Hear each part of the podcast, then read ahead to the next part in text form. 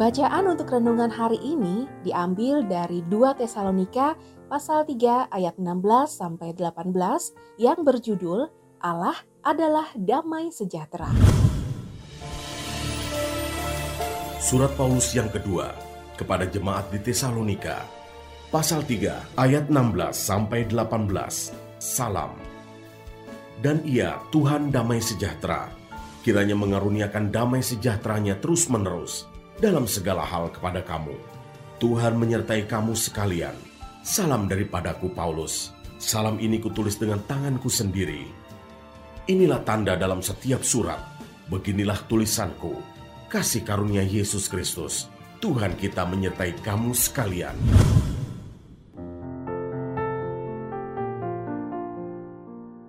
Dan ia, Tuhan damai sejahtera, kiranya mengaruniakan damai sejahteranya terus-menerus dalam segala hal kepada kamu.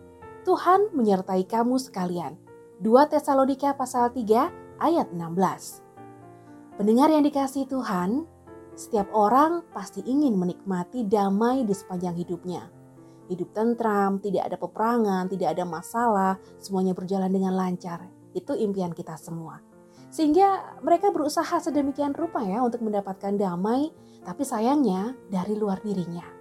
Padahal damai itu merupakan kondisi hati.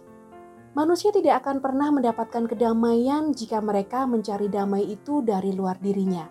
Misalnya mencari damai dari kekayaan, mencari damai dari kehormatan, dari relasi, keamanan, dan sumber damai yang lainnya. Memang benar semua itu bisa memberikan damai, tetapi hanya bersifat sementara saja. Damai yang berasal dari luar kita itu tidak akan kekal karena bisa hilang kapan saja. Bahkan dalam hitungan detik, jam, dan hari, damai itu bisa tiba-tiba lenyap, menghilang. Merasakan kedamaian dalam hidup adalah kebutuhan pokok setiap manusia. Jika kebutuhan itu tidak terpenuhi, maka akan timbul masalah dalam diri manusia yang pada akhirnya akan mempengaruhi dan bisa mengganggu kesehatan jiwanya. Pendengar yang dikasih Tuhan, karena damai adalah kebutuhan kita sebagai manusia, maka Paulus menunjukkan rahasia bagaimana kita bisa mendapatkannya. Damai sejahtera bisa kita dapatkan hanya di dalam Kristus, sebab Kristus adalah damai sejahtera itu sendiri. Jadi permasalahan damai dalam diri manusia itu hanya bisa diselesaikan di dalam Yesus. Di luar Yesus tidak ada damai sejahtera yang bersifat kekal, tetapi tentu ada syaratnya. Syaratnya, kita harus mengasihi Tuhan dengan segenap hati, sehingga Tuhan berkenan tinggal di dalam diri kita dan kita di dalam Tuhan. Dengan begitu, damai sejahtera akan terus mengalir dalam hidup kita.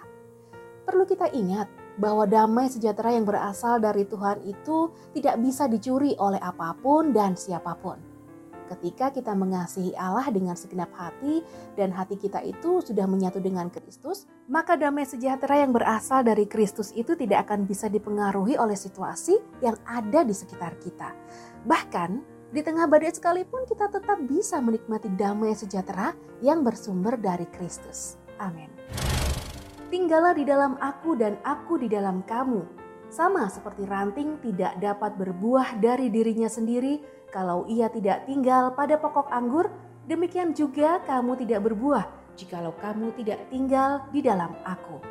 Yohanes pasal 15 ayat 4. Tuhan Yesus memberkati.